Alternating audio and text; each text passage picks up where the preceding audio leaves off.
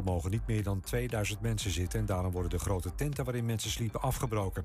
Gisteren gingen er al 360 asielzoekers naar Amsterdam, Nijmegen en Os. Op de beurs van New York is Netflix keihard onderuit gegaan. Voor het eerst sinds 2011 heeft de streamingsdienst abonnees verloren. Het aandeel Netflix kelderde met bijna 30% waardoor het bedrijf 46 miljard dollar aan beurswaarde verloor. Netflix wijt het verlies onder meer aan de coronapandemie die voorbij is. De Tweede Kamer wil dat snel iets wordt gedaan aan de vele ongeldige rijbewijzen in ons land. Volgens de NOS hebben zeker 4000 mensen hun rijbewijs niet teruggestuurd, terwijl dat wel moest. Ze zaten bijvoorbeeld met drank op achter het stuur. Het CDA wil een boete voor iemand die zijn rijbewijs niet inlevert.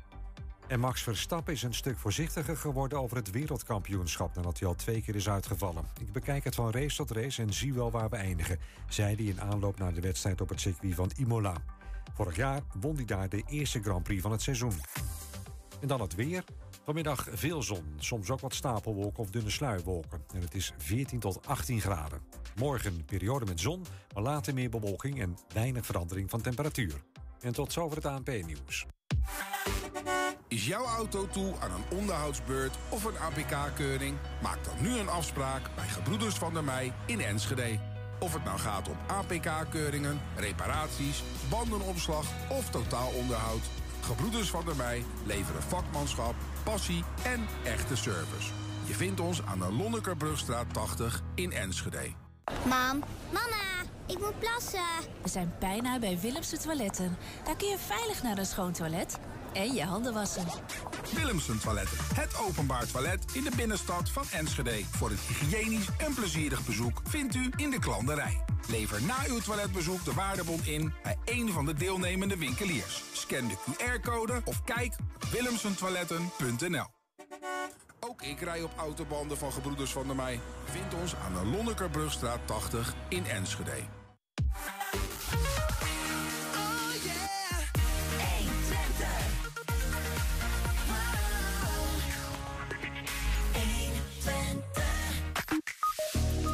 Strijd Enschede versus Eiken Processierups is weer gestart. De Hengeloze Slingerbeurs wordt dit jaar een slingerdag. Slechts 65% van de amateursporters keert na een voorste kruisbandblessure terug op het oude niveau van voor de blessure.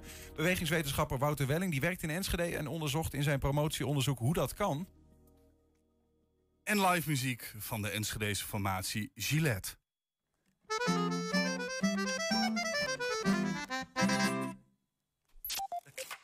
Oh, we moeten ook nog even. Het is woensdag 20 april. Dit is 120 vandaag. 120. 120 vandaag. Nog meer dan normaal bruist de Enschedeze binnenstad deze dagen van de nieuwe ideeën, uitvindingen en innovaties. Dat heeft alles te maken met de Dutch Innovation Days. Een feestje voor de Magic Minds, wetenschappers, creatievelingen, ondernemers en professionals. Zo noemt de organisator Peter Oosterwijk het evenement in Enschede. Het feestje loopt vanaf vandaag tot en met zondag. We willen graag horen waarom we langs moeten komen. Peter, welkom. Uh, welkom. Je had het bijna niet mooier kunnen zeggen. Ja, die kunt weer gaan. ja. Kernachtig samengevat. Uh, ja, probeert inderdaad een feestje te maken om daarop aan te haken. Ja. En. Uh, om uit te leggen wat het is. En het is vijf dagen lang feest, maar feest in het brein. en feest wat ook een visueel karakter heeft. Dus wat je veel hoort over innovatie is dat het gaat om investeringen, om geld. En dat bedrijven en organisaties hebben bezig zijn. Vrij abstracte begrippen. En wij proberen de mens te laten zien. Die echte uitvinders, die echte pioniers. De mensen die dat één idee hebben om gewoon met YouTube te beginnen bijvoorbeeld. Hè. Die gast die komt het lossen. Of uh, wifi, om een voorbeeld te noemen. Sorry, wie, wie, wie, komt er uit lossen? Oh, oh sorry. ja, kijk, dat is een beetje onze boodschap. Is dat veel mensen eigenlijk niet weten uh, dat we hier in deze stad best grote helden hebben we, je kent de bedrijven, zeg maar even Gros, Vredestein, maar we hebben ook de uitvinder van wifi. Ja. Is gewoon hier in Enschede daarmee begonnen. Dat is een Enschedeer. Dat is een Enschede. Die heet Kees Links. Dat is niet een hele moeilijke naam. Maar we zijn vergeten om hem uh, te herinneren. Eigenlijk, hè. we maken wel een standbeeld van helden van 100 jaar geleden. Of nog sterker, van een, een Michiel de Ruiter. En, die heeft hele rare dingen gedaan op en met zijn schepen. Maar de echte helden van deze stad, dat zijn de mensen die dus echt deze wereld verder brengen. Dat zijn mensen die grote technische nou uitvindingen. ja, stel je voor dat er een wereld zonder, uh, zonder wifi, dat is uh, niet, niet meer voor te stellen. Dat is correct. En een wereld zonder YouTube ook niet. En, en Jeroen Weijering uit Losser heeft daar de basis van gelegd. En die jongen is nou ongeveer een miljard waard. Alleen, we zijn vergeten om hem een podium te geven. Komt hij uit Lossen, ja? Die Want jongen ik, Lossen, ik, ik ja. ken de JW-player. Dat is zeg maar een, eh, nou ja, voor onder webmakers is dat een ding. Voor geeks is dat een ding. Ja, en, en dat is ook van Jeroen Weijering. Maar hij heeft ook een rol gespeeld in de totstandkoming van YouTube. YouTube is begonnen met de JW-player. De eerste twee jaar heeft gewoon zijn player eronder gezeten. Geweldig. En dat, dat zijn gasten die we vorig jaar al hadden. Dit jaar hebben we nog meer van dat soort gasten. Bijvoorbeeld mensen die een onderzeeër bouwen. Dat denk je van, nou, die zijn er toch al. Maar het is een onderzeeër voor een aantal personen, twee tot vier personen. En met die onderzeeër gaat in dit geval Philip Jonker gaat naar de Great Barrier Reef. En daar gaat hij beginnen met de Google Maps van de Great Barrier Reef. Dat vind ik al een jongensdroom. En als je dan ook hoort hoe hij begonnen is, hij leest een kuifje. Op de kuifje, zeg maar de schat van Schalakken, staat een duikboot voorop. Mhm. En hij denkt, die duikboot ga ik maken. Dus hij is eigenlijk een soort van kunstenaar. Hij denkt, nou, kan ik maken? Niemand heeft het nog gedaan. Hij maakt hem. En nu is hij managing director van een van de grootste duikbotenbedrijven ter wereld. Doe maar. Dat Het soort begon gasten. bij Kuifje. En het begint bij kuifje, en het begint bij dromen, en het begint bij fantaseren, en het begint bij durven, en het begint bij een soort van gekheid, een beetje dwarsheid noem ik het ook wel. Hè. Het is een beetje, een beetje dwars in de kop. Wil je dan ook eh, zeg maar innovatie aanjagen? Hè? Dat, dat we met elkaar als, als Enschede'ers, Twentenaren wat meer durven dromen. Dat het kan beginnen bij Kuifje. Eh, Het is dat. En, en we hebben natuurlijk Dutch Innovation Days. Het gaat eigenlijk om de boodschap voor heel Nederland. En we willen eigenlijk zorgen dat dat in Enschede een soort van logica zit. Wil je iets beginnen? Nou, hier heb je die lefbekken. Hier heb je die mensen die zeggen... Kan niet, ik heb het al gedaan. Kijk, hij staat daar in de schuur. Ik doe er helemaal niks mee. Dat is, eh, dat is een beetje de Twentse men- mentaliteit. Als je tegen een Twentenaar zegt van... ik denk dat jij dit niet kunt... dan weet je zeker dat hij na het weekend zegt... kom eens kijken. Hij doet het. Nou, en dat kan dus met een elektrische brommer. En dat kan met kleding die veel minder water wordt gemaakt. En dat kan met sensoren die bijvoorbeeld merken dat in je omgeving dingen gebeuren waar jij misschien wel bang voor zou kunnen worden. Mhm. En jou bij voorbaat beschermt om daar niet te zijn. Ja.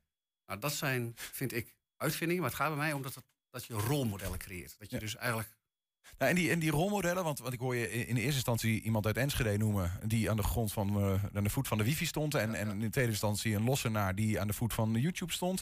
Z- Zijn dat altijd, eh, zijn dat die mensen die een rol spelen op dat festival... eh, die een rolmodel zijn, altijd Twentenaren? Of zijn dat ook mensen van bu- buiten? Nou, dat is een goede vraag. Als je alleen naar Twente blijft kijken en je blijft naar binnen kijken, en dat is eigenlijk de tweede boodschap van Dutch Innovation Days, dan kom je niet veel verder. Je moet dus verbinden. Dus je moet proberen eigenlijk nieuwe connecties te maken die je anders niet maakt. Dus de hele Dutch Innovation Days is erop gericht dat mensen die uit Leuven komen, of Leiden, of Florida, of San Francisco, want die gasten hebben we, en er zijn er 70 mensen op een podium, dat die verbinden voor de eerste keer met mensen die eigenlijk eenzelfde droom delen. Die ook een beetje lefback zijn. Of die ook heel erg nerd of geek zijn Die komen daarop af. die komen erop af, maar die zetten we ook samen achter de microfoon, zoals wij nu elkaar aan de microfoon zitten. We hebben elkaar niet eerder ontmoet, maar we hebben wel een soort van nou ja, gezamenlijk gesprek. Het vergelijk een beetje met, met een, een bootje op een golf. Ik ben dat bootje en jij creëert de golf en ik ga met je mee. Nou, Mhm. Dat kunnen wij met, met de mensen die in ons publiek zitten en de mensen die op ons podium zitten, kunnen dat ook.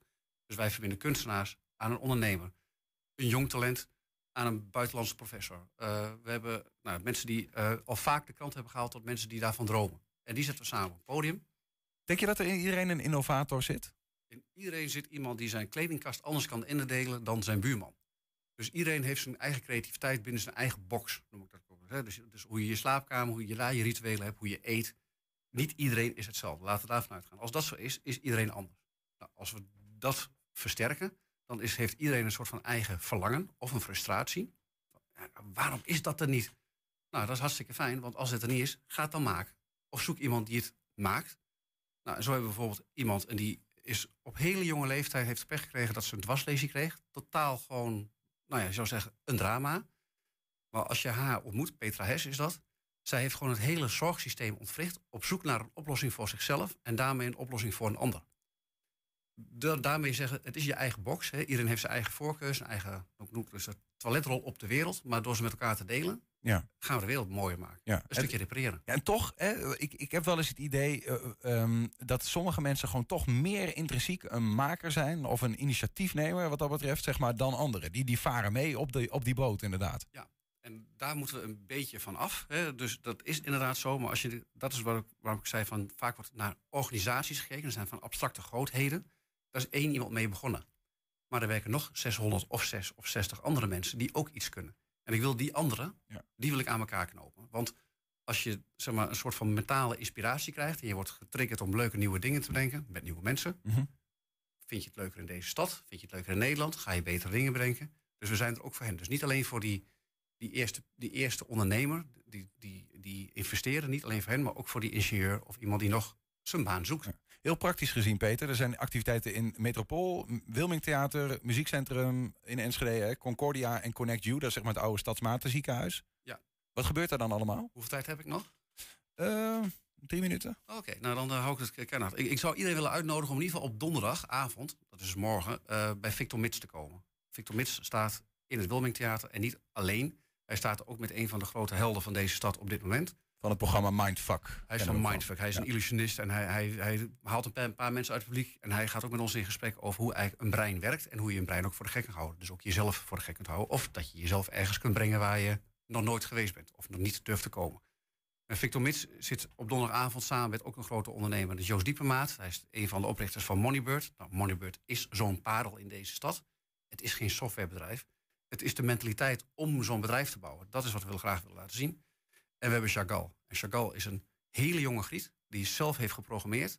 Ze heeft, wat ze heeft geprogrammeerd is een surfpak. Waarmee ze, als zij beweegt, maakt ze muziek. En ze heeft handschoenen. Als zij daarmee beweegt, beweegt het licht. En daaroverheen zingt ze echt beeldschone mooie liedjes. En zij is dus in haar eentje een band. En de lichttechnicus en de geluidtechnicus en de componist in één live. Kijk, de one-man band, maar dan 2.0. Het is sensationeel. Maar als je, ja. nou, als je daarvoor open staat en je houdt ook nog een beetje van tech fashion, dan moet je op donderdagavond komen. Ja. Op zaterdag is ook een hele goede dag voor, eigenlijk voor heel Enschede. Iedereen die bewoner of bezoeker van deze stad is. We hebben een grote expositie gebouwd in Stadsmaten. Stadsmaten heet tegenwoordig Connect You. Ariensplein is dat. Uh, daar maak je onder andere bijvoorbeeld uh, gewoon letterlijk een proefrit op een nieuwe elektronische brommer. Een elektrobrommer, de Brekker. Dus je kunt letterlijk brommers kijken. De Brekker. De Brekker.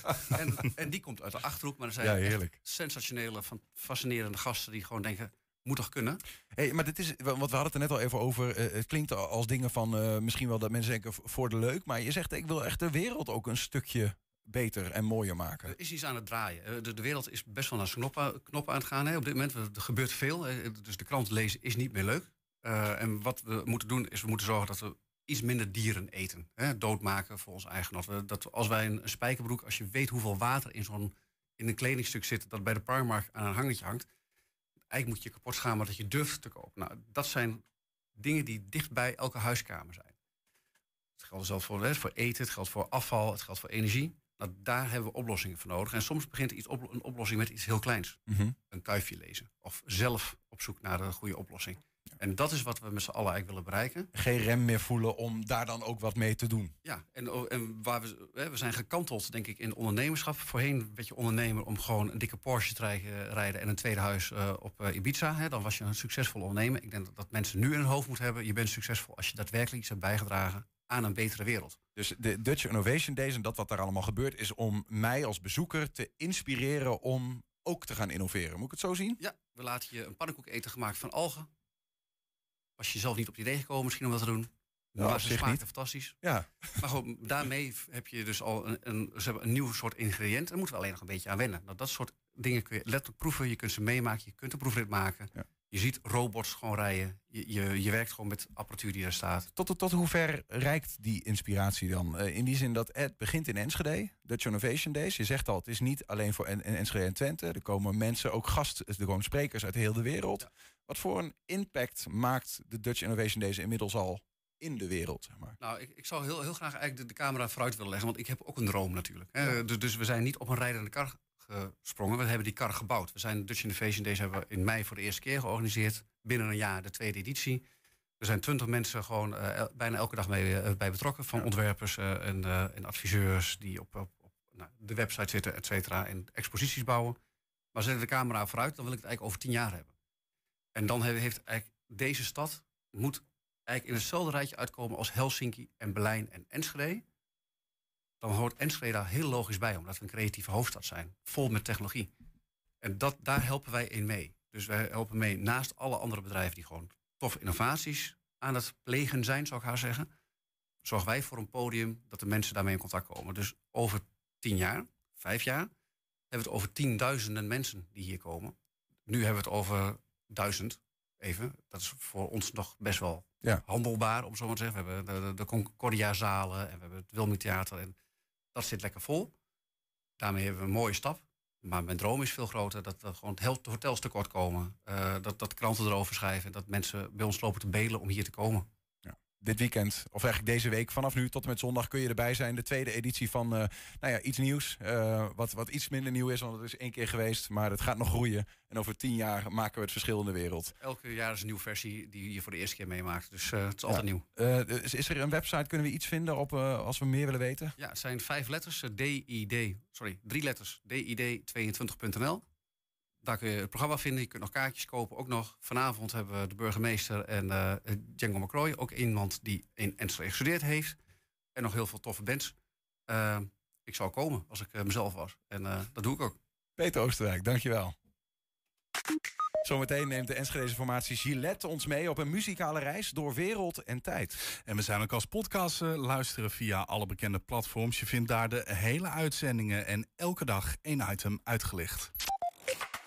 120. 120 vandaag. Ja, voor het eerst in 12 jaar tijd zit de SP niet in het Hengeloze College. Lijsttrekker Hugo Koetsveld van de SP was gisteravond te gast bij onze talkshow Hengelo Spel. Hij vindt dat zijn partij zonder goede reden buitenspel is gezet door de grootste partij, Burgerbelangen Hengelo. Het, het lijkt erop, hè, in, voor het eerst in twaalf jaar, dat de, het- de SP niet eh, in, in het college zit. Ehm, Burgerbelangen Hengelo eh, bij monden van Han Daals ehm, heeft uitgesproken dat ze het gaan bekijken met eh, VVD, D66, CDA en PvdA... om daarmee een coalitie te vormen. Ehm, hij zegt eigenlijk, ja, Hengelo is toe aan een, ja, wat is het, bestuurlijke vernieuwing, zegt hij. En vindt dat de SP daar niet bij past.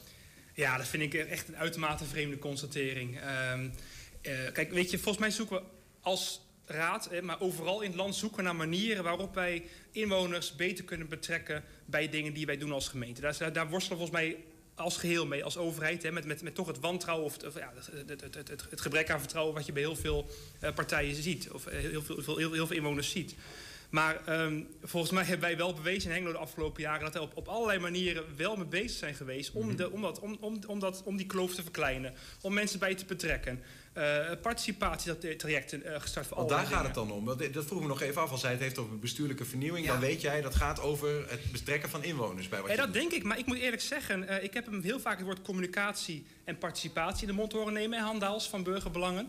Eh, maar wat hij dan precies hebben wil, is mij ook eerlijk gezegd een raadsel hoor. Want het is, het is natuurlijk makkelijk gezegd, er moet, er moet meer communicatie, of er moet meer participatie. Maar op welke manier je dat moet doen. Volgens, volgens mij hebben wij in, in Hengelo ook als collegepartij, of als, als, als, als college ook laten zien de afgelopen jaren, dat wij op allerlei manieren dat wel best goed doen. Even, het is goed om te noemen. Hè. We hebben Han Daals ook gevraagd om hier te komen zitten... of om een uitleg te geven over wat hij dan bedoelt. Maar hij zegt eigenlijk, ik wil lopende het proces dat, eh, dat niet doen. Dus we moeten het even doen met wat hij nou ja, in die persverklaring toen eh, heeft gezegd. Ja, dat, dat, dat vind ik toch wel gek trouwens. Hè? Want volgens mij eh, is hij ook iemand die transparantie heeft hij hoog in het vaandel. Hij wil een nieuwe bestuurscultuur. Hè? Nou, dat, dat snap ik allemaal op zich wel. eh, dat je dat wil. Alleen ik denk van als je, als je dan transparant bent, ga je dan zitten, denk ik dan. Wat ook, hebben hè? jullie dan verkeerd gedaan in zijn ogen? Geen idee. Oprecht niet. Want ik, ik, heb, ik heb geen reden gehoord waarom wij, gewoon een goede inhoudelijke reden waarom wij niet geschikt zouden zijn. Je zou het ook zo kunnen zien. Hè. De SP is van, van, ik ben aan zeggen, van nature een partij van hè, zeg nee, stem SP. Eh, van hey, je kunt weer lekker eh, in de oppositie gaan schreeuwen. Zo, bar, bar, bar. Dat toch? Nee, dat gaan, dat gaan we ook zeker natuurlijk doen. Dat begrijp je. Uit, uiteraard constructief. Maar, uit- maar we gaan natuurlijk wel proberen eh, onze punten natuurlijk binnen te halen. Ehm, tot slot, eh, Hugo. eh, mo- mochten die partijen die nu aan tafel zitten, die ik net genoemd heb, even nou niet uitkomen. En burgerbelangen belt alsnog. Ga je dan al deze dingen die je hebt gezegd terugnemen? Nou, daar zullen we natuurlijk wel even moeten gaan praten over hoe het is gelopen. Kijk, eh, ik, ik, ben, ik ben helemaal niet eh, eh, eh, eh, zeg maar vol wrok of dat, dat er nou heel lang blijft hangen. Ik vind het gewoon heel teleurstellend hoe het is gelopen. Maar volgens mij willen we allemaal, allemaal op gewoon wel een goede, manier de stad besturen. Dus eh, ik, eh, ik denk, eh, nou ja, ze zullen eerst met z'n vijf gaan praten. Geen idee hoe dat gaat lopen of wat eruit komt. Ja, en als er dan een beroep op ons zou worden gedaan, ja, dan, eh Dan moeten we wel een paar bakjes, bakjes koffie drinken Ja. en toch wel een paar, paar goede gesprekken erover hebben, inderdaad. Snap ik. Ja, je hoorde een stukje uit de talkshow Hengelo Spel. Ja, we spraken daar ook over de aanpak van de woningnood in Hengelo en over de aankomende FPK-games. Wil je de hele uitzending zien? Kijk dan even op het YouTube-kanaal van 120 Hengelo. 120. 120 vandaag. We gaan op een uh, muzikale reis door wereld en tijd. En dat gaan we doen met uh, accordeonist Bert van der Veen... en ook met gitarist Marcel Leblanc. Uh, onderdeel van het trio Gillette.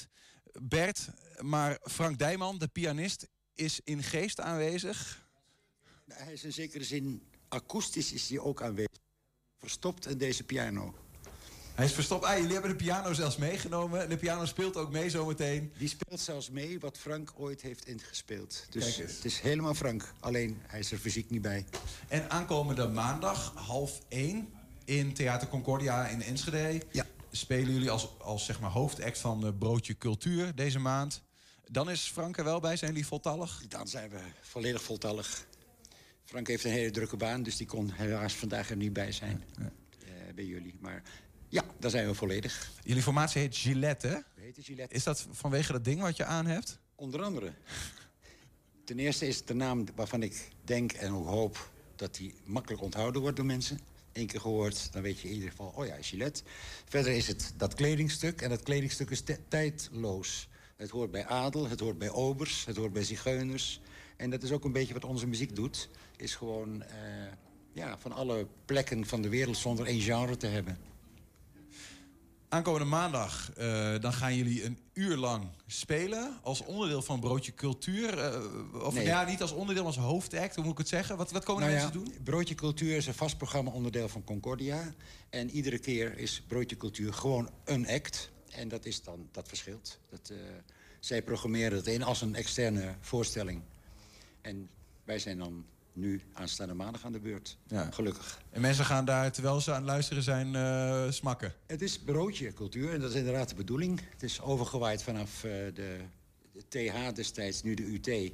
Daar is het in eerste instantie ontstaan en later is het overgenomen door Concordia. Ook weer even weg geweest en weer teruggekomen. Een muzikale reis door wereld en tijd. Ik kan, ik kan me daar iets bij voorstellen, maar leg uit. Wat gaan jullie allemaal spelen dan? Stukken uit heel veel plekken uit de wereld. Waar waarbij we niet pretenderen dat we in één uur de hele wereld kunnen spelen. Dat is onmogelijk. Het is zo ongelooflijk prachtige muziek. Maar in ieder geval een klein excerpt daarvan. Dus we komen in Oost-Europa, we komen in Zuid-Amerika, we komen in Noord-Amerika, we komen in uh, Europa natuurlijk. Uh, ook in de klassieke muziek uh, komen we terecht. wat mijn ex-muziekgeschiedenisleraar zei tevoren. Er, er, is geen stijl waar jullie bij passen. Er is geen jazz, het is geen wereldmuziek, het is geen klassiek. Het is, uh, het is eigenlijk, uh, het zei ik tegen hem voor de grap, het is eigenlijk niks, hè? Zei, nee, nee, dat is, het, is, het is alles. Maar we willen ons niet uh, in een hokje laten stoppen... omdat we ook vinden dat al die muziek met elkaar verbonden is. En kun je daar met, met deze drie instrumenten... kun je daarmee de wereld rond qua muziek? Het uh, wordt hard sjouwen met zo'n piano, maar het lukt wel.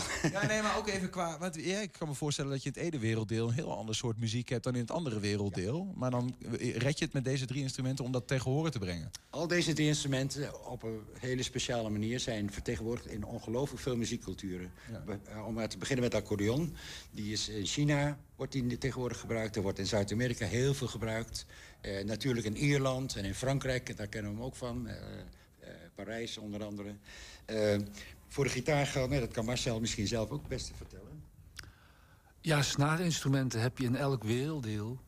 En uh, de gitaar heeft ook uh, arrangementen die, waarmee je dus eigenlijk die andere snaarinstrumenten ook weer kunt vertolken. Dus dat klopt wel. Ja. Ja. Ik moet even denken aan het eerste nummer wat jullie zo gaan spelen. Ja. He, de, hoe heet het ook alweer? De tango van de dood? Maar dan in het en dan in het Spaans, dat hebben we een beetje Spaans gedaan... om niet zo eng te laten klinken. Dat is niet helemaal waar, hoor. Maar Tango de la Muerte uh, is opgedragen destijds... aan het overlijden van uh, Enschede's dichterschrijver Bert de Haan.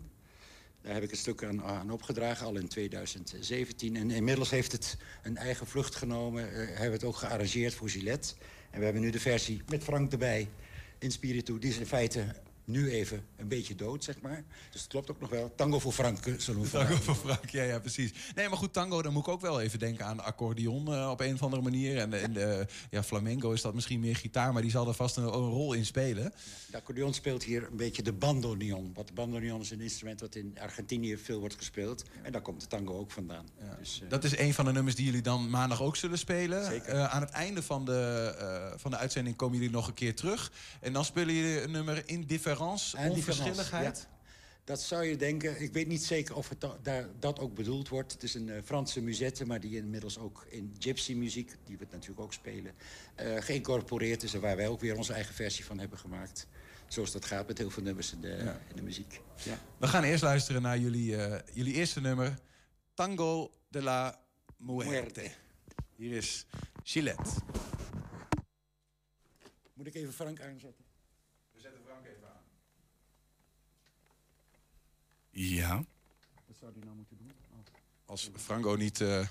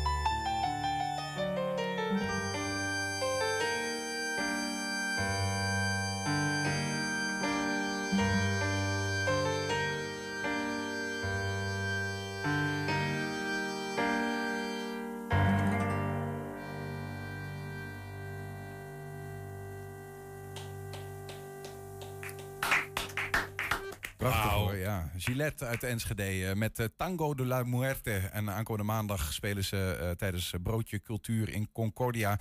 Zometeen zijn ze nog terug met In die Indifference. Ik moet het goed zeggen op zijn Frans, denk ik.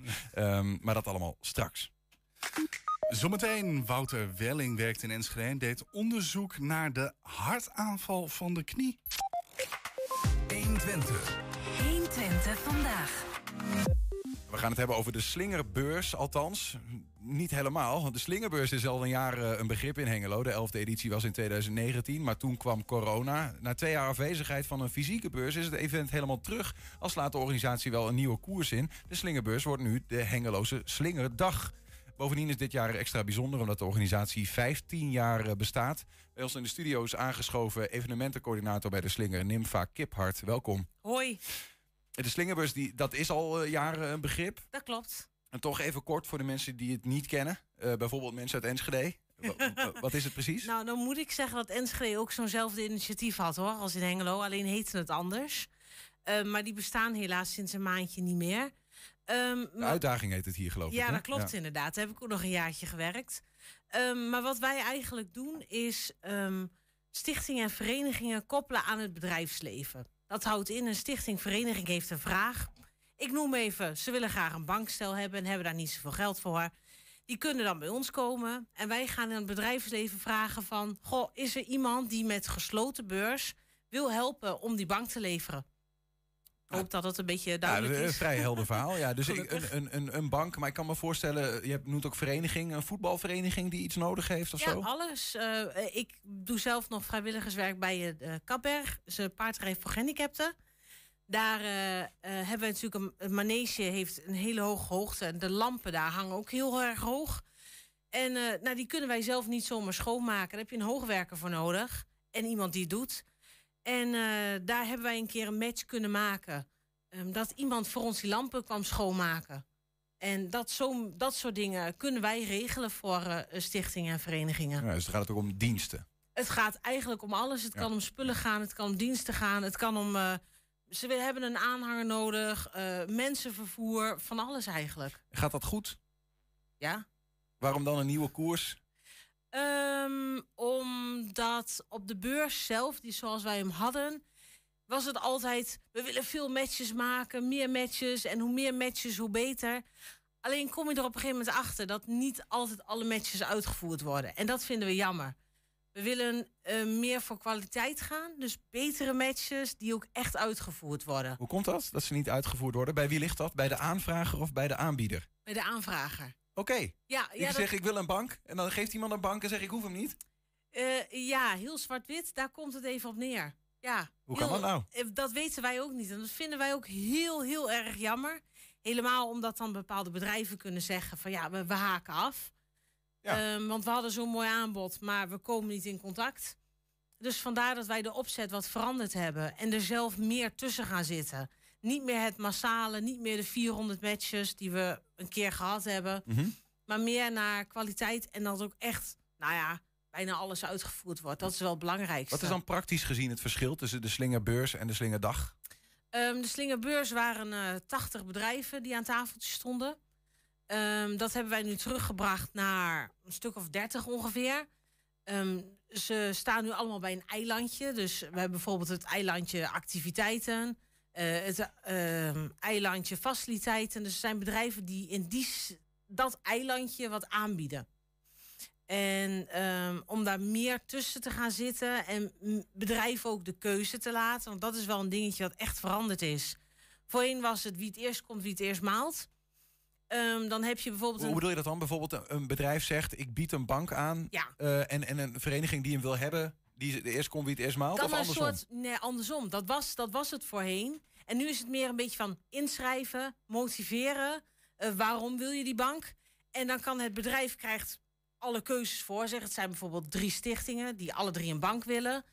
En die moeten motiveren waarom ze die bank willen. En dan kan het bedrijf gaan kiezen. Maar ik vind die motivatie het beste. Ik geef die stichting die bank. Dus het begint altijd bij het aanbod. Of begint het ook wel eens bij de vraag? Het kan allebei. Het, het kan een bedrijf zijn die zegt, eh, we hebben wat over, we bieden het aan. Het kan Ja, ja.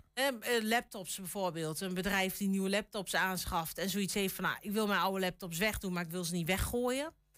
Ehm, zo kan het, maar het kan ook een stichting, vereniging zijn die gaat verbouwen. Ik noem maar wat. We hebben nu in, eh, in Hengelo, bij even een klein voorbeeldje, is bijvoorbeeld de Heemtuin. Die wil een educatiecentrum gaan bouwen. En eh, daar hebben ze wel plannen voor, maar je hebt natuurlijk nog heel veel materiaal nodig. Dus wij eh, gaan hun daar in dat proces helpen. Wat kunnen wij voor hun betekenen? Ja. Dus je, je, je moet eigenlijk nu, als je eh, een dienst of een bank of iets anders fysieks wil, he- wil hebben als vereniging of stichting, ja. moet je beter je best doen om daaraan te komen. Je moet meer motiveren waarom wil je hem. En daar, je Ja. hoopt daarmee eigenlijk dat als organisaties dat zeggen, van ik wil wel een bank, dat ze die bank ook echt willen en niet Ja, te makkelijk inderdaad. zich inschrijven op allerlei producten die het- ze toch het- niet willen. Het is niet wat wij altijd zeggen, een soort gratis winkelen. Dat is het niet. Dat was het altijd een beetje. En dat mensen dan thuis gaan kijken. Oh, maar dit vinden we niet interessant. Dat vinden we niet interessant. En dat is gewoon zonde. Ja, eerder ging het ook met gesloten beurs, begreep ik. Wat nu niet meer is. Klopt. Dat wil zeggen, hè, met gesloten beurs, dat, dat, dat je eigenlijk met elkaar ruilt, maar er komt geen geld aan te pas. Dat is nog steeds zo. Dat is nog steeds ja, zo. dat is, daar houden wij ook echt heel sterk aan vast. Ehm, bedrijven mogen wel wat doen als ze dat graag willen met korting. En iedereen, alle partijen zijn het daarmee eens.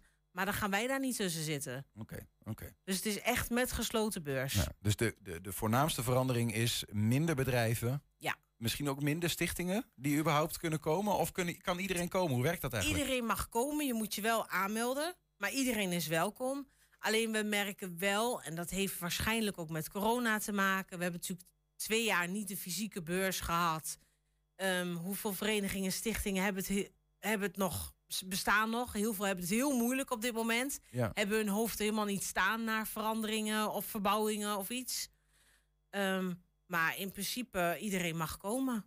Gezellig. Maar als je nou eerst had je 80 bedrijven en nu heb je er 30. Wel- Welke 50 zijn er dan niet meer? Hebben die dan zelf gezegd van ik wil eigenlijk niet... Ja, weet je, ik vind het wel goed eigenlijk. Ik doe niet meer Ehm, mee. Nou, het was, die 80 bedrijven was ook wel een beetje eh leuren, moeten wij zeggen. Om ze te krijgen. Om ze te krijgen, ja. Dus nu zijn het bedrijven die wij zelf actief benaderd hebben, waar mooie matches bijvoorbeeld uitgekomen zijn. Of bedrijven die zichzelf aangemeld hebben, want dat mag natuurlijk ook. Ja. Die eh, hebben allemaal een plekje Wat gekregen. zijn belangen eigenlijk om mee te doen? dat je die Ehm, bank wil hebben, snap ik wel. Maar dat je die bank weg wil geven, ja, dat kost je alleen maar tijd en geld. Ehm, ja, maatschappelijk ondernemen speelt daar een grote rol bij. En ja, toch de verbinding met de samenleving. En het is ook een beetje, denk ik zelf, voor naamsbekendheid. Eh, dat speelt daar natuurlijk ook een, een rol in. Als jij iets moois levert, eh, kun je daar natuurlijk ook reclame mee maken. En zeggen wij, wij zijn daarmee bezig. Wij zijn maatschappelijk verantwoord. Ja. Tot slot dan, wanneer gaat het gebeuren? Vrijdag. Aankomende vrijdag? Aankomende vrijdag, Waar? ja. In het ROC van Twente, in Hengelo. De gieterij. De gieterij, inderdaad. Ja. Vanaf hoe laat? Ehm, het is vanaf twee uur. Alle festiviteiten. Kijk, en het is gewoon vrije inloop. Er wordt wel aangeraden om je op te geven. Ehm, maar we hebben altijd nog dingen achter de hand als je je niet opgeeft. Ja, Pakken wat je pakken kan, maar wel goed motiveren. nou inderdaad. Nimfa Kiphart, dankjewel. Succes aankomende vrijdag. Dankjewel.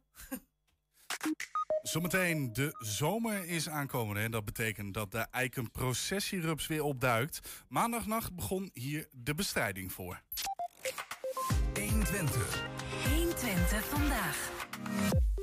Het wordt ook wel de hartaanval van de knie genoemd. De voorste kruisbandblessure. Het is een zware kwetsuur met een lange revalidatie. Weinig amateursporters keren na deze blessure terug op het oude niveau... of lopen de blessure opnieuw op. Wouter Welling is eh, bewegingswetenschapper bij ProF in Enschede... en wilde weten hoe dat nou eigenlijk kan. Hij wijde er zelfs zijn promotieonderzoek aan. Twee weken geleden promoveerde hij en eh, vandaag is hij hier... om te vertellen wat hij ontdekt heeft tijdens zijn onderzoek. Wouter, welkom. Dankjewel. Ja, de hartaanval van de knie. Hoe, hoe komt die naam zo? Voor Ja, de voorste kruisbandblessure. Ja, de, ja, de voorste kruisbandblessure. eh de voorste kruisband zorgt er eigenlijk voor dat het eh, bovenbeen en het onderbeen niet over elkaar heen kunnen schuiven. En eh, ja, wij hebben eigenlijk, nou, dat hebben wij, ni- wij niet bedacht, maar vaak wordt er gezegd, nou de hartaanval van de knie, omdat dat de impact een beetje weergeeft die zo'n blessure heeft op het kniegewricht. Als de hartaanval op een mensenleven. Als in als je een voorste kruisbandblessure hebt, dan heb je echt een probleem in je knie. Eigenlijk wel. En de knie zal nooit meer hetzelfde worden daarna. Dus dat vonden wij een mooie metafoor om te gebruiken. Om ook naar mensen die het niet niet zo in de medische wereld zit om dat te verduidelijken. Ja. Hoe kom je eraan, zo'n kruisbandblessure, voorste kruisbandblessure? Ja, die kan je helaas oplopen met, eh, tijdens het sporten. Dus bijvoorbeeld eh, sporten waar veel eh, draaibewegingen in zitten of veel sprongvormen in zitten. Ja, daarbij kan, nou, dan kunnen het onderbeen en het bovenbeen over elkaar heen gaan schuiven. En als er te veel kracht op komt, of je bent vermoeid, of je krijgt een duw, ehm, kan die kruisband scheuren. Eh, en ja, goed, dan krijgen mensen een gevoel van door de knie heen zakken. Dus je moet eh, zo zien, als je dan een scherpe hoek maakt of iets dergelijks, dan, ehm, of je, je landt na een sprong, dan kan je eigenlijk door je knie heen zakken, omdat die, eh, die, die, die, ja, die stabilisator is eigenlijk weg. Klinkt heel onprettig. Ik heb het gelukkig zelf nog nooit gehad. Maar misschien komt het ook door mijn mate van de sportiviteit. Bedenk ik mij. Hoeveel, hoeveel gebeurt dit eigenlijk? Ehm, nou, als we kijken naar Nederland, zijn er ongeveer 10.000 eh, reconstructies van de voorste kruisband eh, per jaar. Eh, reconstructie wil zeggen dat de voorste kruisband nou, gereconstrueerd wordt. Dus dan wordt er een ander stukje uit je lichaam gehaald. En er wordt een nieuwe kruisband van gemaakt. Maar er is dus ook een deel van de mensen die zich niet laat opereren. Dus nou, de cijfers van zo'n blessure liggen wel hoger. Eh, maar 10.000 eh, operaties ongeveer in Nederland per jaar. Ja, 10.000. En eh, kun je iets zeggen over percentages onder sporters dan? Is, daar- is daar iets over te zeggen? Of ja, dat is heel lastig. Ehm ligt heel erg aan het niveau natuurlijk en wat voor sport je doet. We weten wel, bij vrouwen ligt het percentage hoger eh, dan bij mannen. Dat komt ook omdat nou, de, de anatomie van de vrouw iets anders is. De bekkenstand is iets anders. De knie valt wat sneller naar binnen, waardoor de kans op zo'n blessure wat groter is. Ja. Ja, de laatste jaren zien we wel dat meer vrouwen ook gaan sporten, bijvoorbeeld meer gaan voetballen. Eh, waardoor de kans op een uh, voorste kruisbandblessure ook weer eh, groter wordt. Ja. Explosieve sporten, snel draaien, dan heb je eh, risico. Ehm, wa- waar heb je in je onderzoek dan vooral op gericht als het gaat om die eh, hartaanval van de knie? Ja, waar wij ons op eh, hebben gericht is eigenlijk ehm, het meer individualiseren van de, van de revalidatie. En je kan je voorstellen, als iemand zo'n blessure oploopt en die krijgt een operatie waarbij er stukje eh, van bijvoorbeeld de hamstring eh, als nieuwe kruisband wordt gebruikt, dan, dan staat daarna een, eh, lang revalidatietraject staat je te wachten. En nou, in dat revalidatietraject ga je natuurlijk krachttraining doen. Je gaat een normaal looppatroon weer terugkrijgen. Al die basisdingen krijg je weer terug. Maar als je wil gaan sporten, je wil bijvoorbeeld weer drie keer in de week gaan voetballen, dan heb je meer nodig dan dat. En ehm, een heel moeilijk moment in de revalidatie is het moment waarop de fysio eigenlijk zegt van oké, nou ben jij klaar om weer naar het veld te gaan. En dat is vaak eh, gebaseerd op nou, eh, subjectieve criteria. Bijvoorbeeld, nou, eh, je hebt geen pijn, je hebt zo lang gerevalideerd bij ons, gaan we weer het veld op. En het, ehm, zonder dat je eigenlijk objectief in kaart brengt hoe de patiënt er eigenlijk echt voor staat. Mhm. Met allerlei metingen op fysiek. Daar wordt vaak niet naar gekeken. Nee, er wordt vaak eigenlijk gewoon gezegd van, nou, je hebt negen maanden gerevideerd, je hebt geen pijn, weet je wat, dinsdagavond gaan we weer trainen. Ja, ja. En zo makkelijk is het dus niet. Want ehm, je kan je voorstellen, eh, voetbal eh, of een andere balsport is totaal anders dan wat je eigenlijk bij de fysio eh, normaal in de gym doet. Dus dat is een vrij groot contrast. En tevens is niet elke persoon hetzelfde. Dus de een kan heel snel fysiek bijvoorbeeld op niveau zijn. En de ander kan daar meer moeite mee hebben. De een kan last hebben van angsten. Terwijl de ander daar totaal geen problemen mee heeft. Dat, is, dat heeft allemaal impact in de, de manier waarop je je knie gebruikt dan Ja. weer vervolgens op dat voetbalveld bijvoorbeeld. Exact, ja. Ja. En eh, wat wij hebben gedaan in ons onderzoek, we hebben een aantal criteria gesteld van dit moet je minimaal ha- behalen voordat je terug mag keren naar de sport. Kun je eh, voorbeelden noemen van die criteria? Spierkracht Ja. voor de quadriceps en voor de hamstring. Dat zijn dus eh, grote spiergroepen in het bovenbeen. Bewegingstechniek. Is je techniek goed genoeg of compenseer je door die blessure? Maar ook ehm, mentale factoren. Dus eh, bewegingsangst. eh, angst om een nieuwe blessure op te, eh, op te lopen. En eigenlijk hebben we een pakketje van criteria samengesteld. Die we een beetje als objectief filter gebruiken.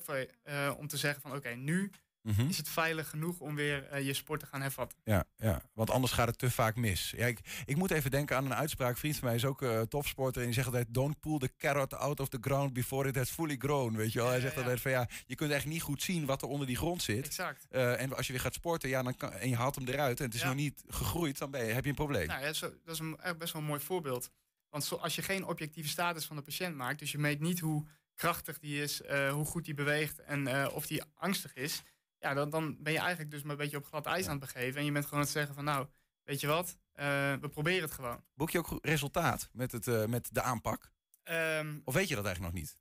we weten wel dat als jij eh, bepaalde criteria behaalt, dat je een grotere kans hebt om je niveau weer te halen. En je zei zelf in het begin al van een groot aantal sporters die komt nooit meer op hetzelfde niveau van wat ze voor de blessure hadden. Mhm. Maar we weten, als je een aantal criteria behaalt, eh, is die kans groter. Ehm, alleen kunnen we op dit moment helaas niet voorspellen of jij een nieuwe voorste kruisbandblessure zal gaan oplopen. Dus we kunnen niet zeggen, oké, je testen zijn nu zo goed, de kans is niet heel, zeg ja, maar. maar goed, je kunt misschien wel eh, aan de hand van, van de aanpak, van je aanpak, kun je zeggen van eh, eh, de mensen bij wie we de aanpak deden, die hebben een grotere kans op een, of een minder grote kans dat het terugkeert dan anders. Die hebben een grotere kans om hetzelfde niveau weer te halen. Precies.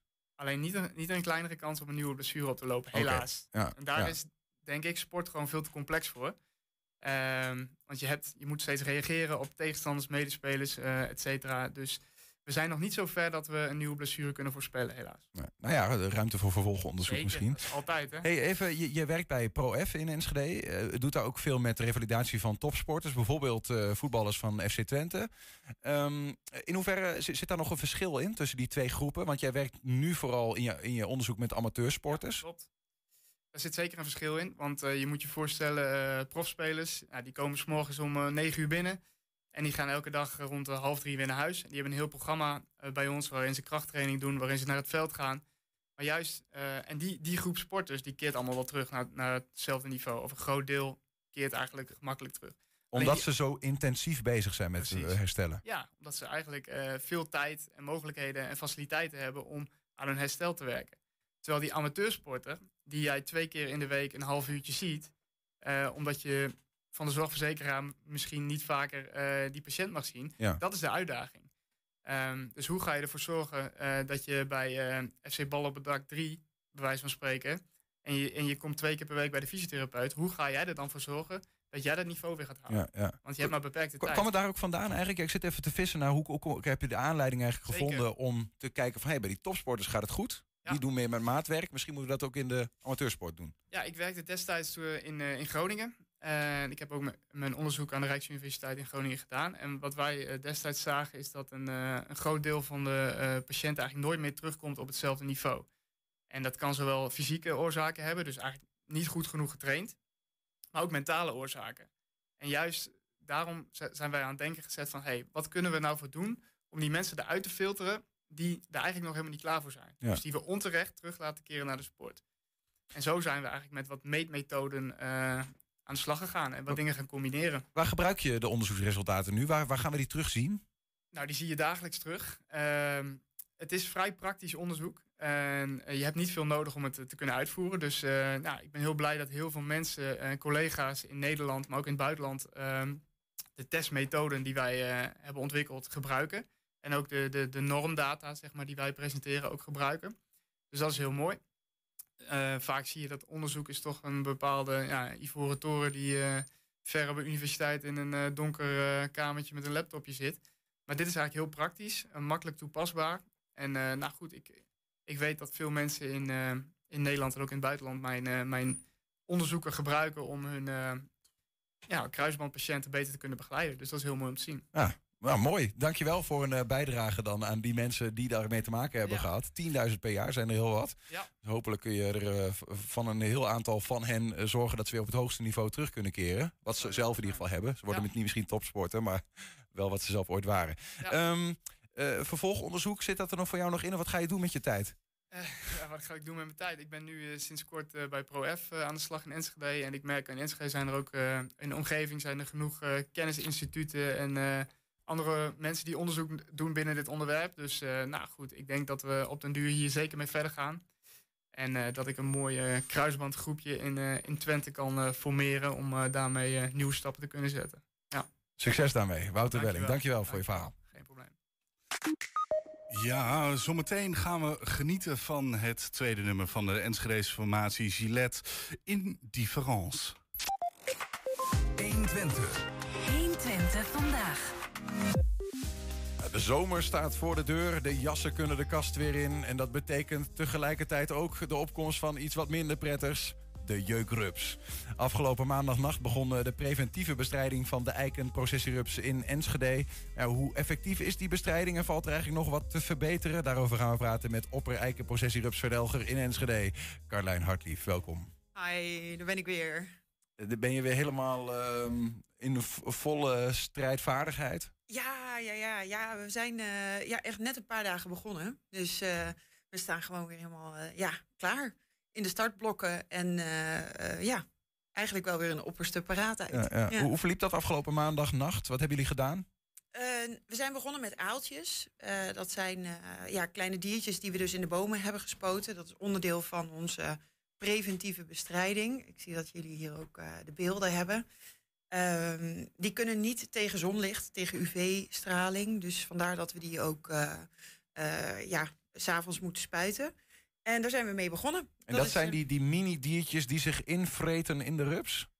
In de maag van de rups. En dan krijgen ze een ontsteking van en dan kunnen ze niet meer eten. En dan sterven ze uiteindelijk. Ja, eigenlijk luguber, maar goed, we, we Ja. vinden de rupsen ook vervelend. Dus dat we een keuze maken. Ja. Ehm, maar eh, dat betekent dat die rupsen al wel zijn, eh, dat die al wel zijn eh, uitgekomen, of niet? Ja, voor een groot deel wel. Eh, ja, niet ieder eh, eh, einest is hetzelfde. Eh, zit hij meer in de zon, dan is die wellicht al veel eerder uitgekomen dan in, eh, een, eh, aan de, an- de koude kant van de boom. Maar om en nabij begint nu alles uit het ei te komen. Dus eh, zijn we er heel mooi, eh, mooi op tijd bij. Ja. Ja. Overigens er zit een volumeregelaar van je koptelefoon hier. Want ik zie er een beetje, misschien is die te, te hard of te zacht. Ja, hij, sta- hij staat Ehm, inderdaad te hard. Maar... Ehm, eh, eh, dan, dat zijn die aaltjes. Ik herinner mij van voorgaande jaren ook dat er nog iets anders was, namelijk eh, bacteriën. Ja, dat klopt. Dat gaan we nog steeds doen. Maar er zit een verschil tussen de twee aanpakken. Eh, de aaltjes, dat gaf jij net ook al aan, die eh, eten zich eigenlijk in de maag van de rups. En daarom moeten ze rechtstreeks op de rups bespoten worden. En kunnen ze alleen in de bomen gespoten worden als er nog niet te veel blad aan, bo- aan de boom zit. Anders dan raken we eigenlijk het grootste gedeelte van de bladeren en niet de rups. Ja, ja. En eh, nou ja, ik weet niet of jullie het hebben gemerkt aan hooikoorts of iets dergelijks. Maar de bomen die gaan echt als een malle nu bloeien. En die komen dus eh, ja, met hun bladeren weer eh, lekker in het groen te staan. En dan moeten we over naar bacteriën. En bacteriën spuiten we op de bladeren. En die bladeren eten de rupsen. En daar sterven de rupsen dan aan. Ah, Oké, dus die, die komen nog, die Ja, bacteriën. Ja, en daar gaan we maandag of vrijdag al mee beginnen. Want het gaat heel hard met de bladeren. Ja, maar zijn, zijn er ook niet andere dieren die bijvoorbeeld die bacteriën ook opeten, die daar ook aan overlijden? Want ik, ik neem aan dat als dat op de bladeren zit, wordt door alle dieren wel eh, gegeten die daar rond eh, kruipen. Ja, er is, wat, er is nevenschade, zo noem- noemen we dat. Maar de eikenprocessierups is een van de eerste rupsen die uit het ei komt. Dus daardoor heel effectief als we die heel vroeg al in de bomen spuiten. En eh, gericht op de eikenprocessierups. En ze worden ook alleen maar in de eiken gespoten. En er zitten ook heel veel dieren in andere bomen die gewoon eh, daar geen last van hebben. Ja, precies. Nee, en ik denk ook dat we eh, zo meteen nog even gaan praten over die beschermde vlindersoorten. Hè? Ja, maar, ja. Want dat, dat zorgt er voor wat kinken in de kabel, geloof ik, in de, in de bestrijding. Maar we dat laten we zo meteen nog eventjes. Eerst even afgelopen jaar, ehm, voor mijn gevoel, en misschien zelfs het jaar daarvoor. eh het waren gekke jaren natuurlijk sowieso. Maar heb ik volgens mij weinig, eigenlijk, alsof ze er helemaal niet meer waren. Komt dat door de bestrijding of zijn ze, het, hebben ze het hazenpad gekozen? Nou ja, zeker door de bestrijding. Want eh, eh, het hazenpad eh, hebben ze niet kunnen vinden, want ze zijn er nog steeds. Zijn er nog wel? Ze zijn er zeker, ja. Ja wat, je, wat je je moet voorstellen is dat de rupsen vlinders worden. En die vlinders die leggen eitjes. En hoe minder rupsen er vlinders worden, hoe minder eitjes er weer voor het jaar daarna worden neergelegd en uit kunnen komen. Dus we hebben in 2019 hebben we nog best wel een heel heftig jaar gehad. 2018, 19 was echt drama. Eh, voor jullie idee, we hadden meer dan 4000 meldingen in totaal van, van bewoners in Enschede die er last van hadden. Ja. Eh, het jaar daarna waren het er 2000. Dus dat was al een stuk beter. Ja. Maar dat betekent dus ook. Vorig dat, jaar? eh, vorig jaar hadden we er bijna 300. Oké, oké, dat gaat de goede kant op. totaliteit. Ja.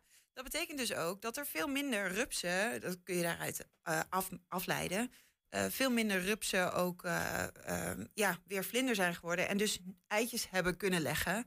En nee, ja, natuurlijk komt dat door de bestrijding. Maar we hebben vorig jaar ook een heel koud voorjaar gehad, waardoor heel veel rupsen het eigenlijk niet zo lekker vonden om uit hun ei te komen. Die wellicht blijven zitten tot het jaar daarna. Dus het is altijd een beetje jaar- spannend van... eh, gaat die bestrijding dit jaar genoeg zijn om de Ja. overlast eigenlijk het hoofd te bieden? Ja, zeker. Ja, het is echt een spel tussen mens en natuur en tussen de stad en het groen, kun je wel zeggen. En eh, ja, daarbij zetten we ook heel erg in op het vergroten van die, een biodiversiteit. Dus hoe meer eh, verschillende bomen, eh, bloemen, plantjes, eh, hoe meer verschillende dieren dat aantrekt. En daarmee ook meer natuurlijke vijanden van die rups. Ja, die koolmees bijvoorbeeld, die hem terug moet keren. Ja, bijvoorbeeld. Maar je hebt ook de sluipwesp. Die eh, eh, echt wel lekker die rupsjes aan het eh, eten zijn. En eh, ja, dat, dat werkt natuurlijk ook mee. Dus hoe meer groen er in de stad is, hoe, hoe beter die balans is. En, Ja. eh, dus het werkt op heel veel niveaus. Nou is het bekend dat er een straat in Enschede eh, is, hè, de Oosterstraat, waar eh, de grote vos heet die geloof ik, nou, een bedreigde vlindersoort huist. Ja. En daar mogen jullie niet bestrijden, omdat die vlindersoort anders naar de knoppen gaat en dat mag niet. Ehm, nou begrijp ik dat het aantal straten waar deze bedreigde vlindersoorten huizen eh, eh, meer is geworden in Enschede. Ja, en dat is eigenlijk dus heel goed. Want hoe meer vlinders en diertjes we in Enschede hebben, hoe meer eh, ja, biodiversiteit. hoe meer er op een natuurlijke manier die rups weer teruggedrongen wordt in een natuurlijke Maar je balans. kunt daar niet bestrijden. Nee, daar kunnen we niet bestrijden. Maar we kunnen bijvoorbeeld wel, als de overlast echt te ernstig is, kunnen we de nesten wegzuigen. En dan zitten nog steeds rupsen in dat nest. Dus dat worden geen vlinders meer. En ook afgelopen jaar was de overlast in de Oosterstraat ja, heel, heel weinig. Ja. Vrijwel niet. Welke straten zijn er nu bijgekomen? Heb je die zo paraat? Nee, die heb ik niet zo paraat. Ja, Enschede is best groot. En ik geloof dat er een stuk of acht nieuwe vlindercirkels bij zijn gekomen. En dat zijn cirkels, daar kun je soms...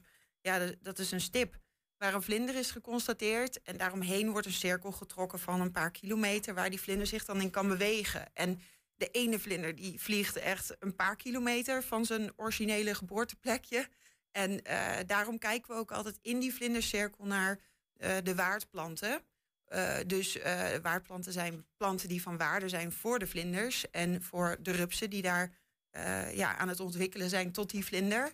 En als die niet aanwezig zijn, dan kunnen we sommige delen alsnog preventief behandelen. Maar zijn die wel aanwezig, dat betekent dat dat een heel waardevol stukje natuur is voor nou ja, de natuurlijke vijanden van de eikenprocessierups of ja, bijzondere beschermde vlinders die je Ja. toch. Dat is een afweging die je geven. voortdurend maakt eh, daarin. Ja, en, en de vlinderkaart met die cirkels, die is ook echt leidend in hoe wij de preventieve bestrijding Ja, eh, opzetten. Samen met de landelijke leidraad, die kenniscentrum. Maar goed, grof gezegd, hè, het aantal eh, meldingen neemt af. Vorig jaar hadden we ook een, een koud eh, voorjaar, dat, eh, dat hield mee. Maar ja, het aantal meldingen neemt af. Dus dat betekent eh, dat het goed gaat. Betekent dat dat je dit jaar gewoon weer eenzelfde soort aanpak in die zin hanteert? Ja, zeker. Ja, vergelijkbaar. Want eh, het kostte, geloof ik, op een gegeven moment, vorig jaar, twee jaar geleden, bijna een halve ton of een half miljoen voor de gemeente. Dat is Ja. nog steeds zo. Nou, er zit natuurlijk een heel groot stuk eh, flexibele schil in. En dan kun je een beetje vergelijken met een strooibeleid.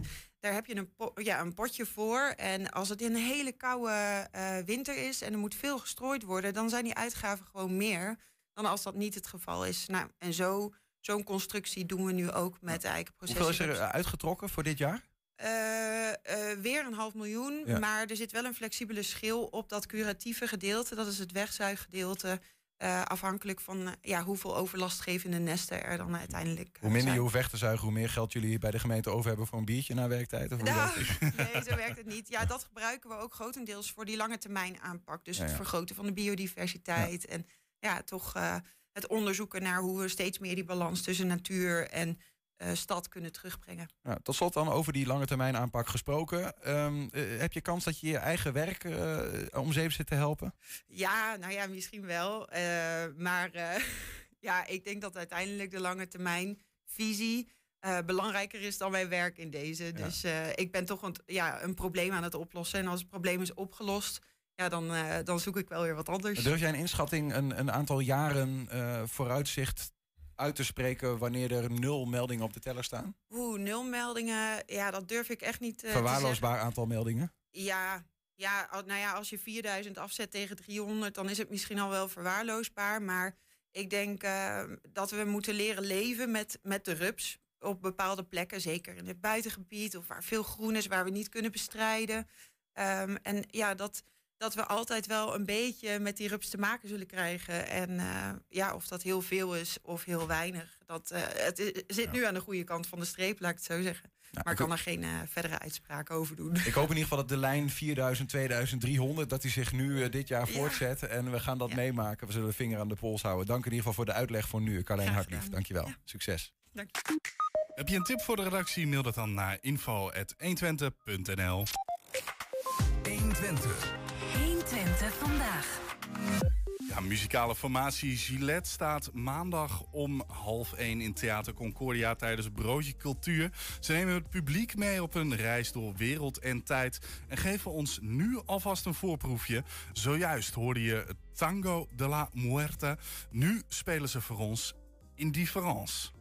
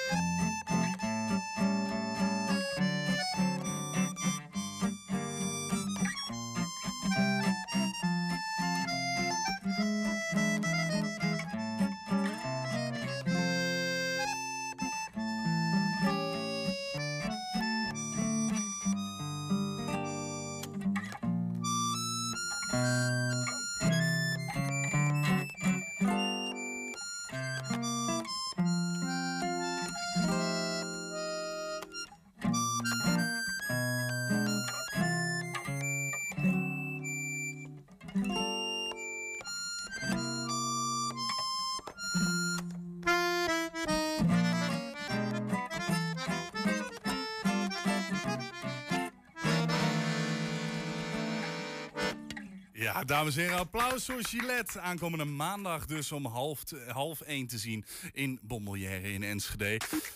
En daarmee sluiten wij ook 120 vandaag af. Terugkijken, dat kan direct via 120.nl. En vanavond om 8 en 10 zijn we ook op televisie te zien. Zometeen kun je op de radio gaan genieten van Henk Ketting... met deel 2 van de Kettingreactie. Veel plezier en tot morgen. 120. Weet wat er speelt in Twente. Nu het nieuws van 5 uur. Goedemiddag, ik ben Peter van Oudheusden. Steeds meer gemeenten nemen asielzoekers uit overvolle Ter Apel over. Deze week nog gaan er 150 naar Alkmaar. Gisteren vingen Amsterdam, Nijmegen en Os ook extra asielzoekers op. In Os zijn er 80 mensen uit onder meer Syrië en Eritrea. Ze kunnen daar zeker anderhalf jaar blijven. Drogisterijen maken zich zorgen over een wet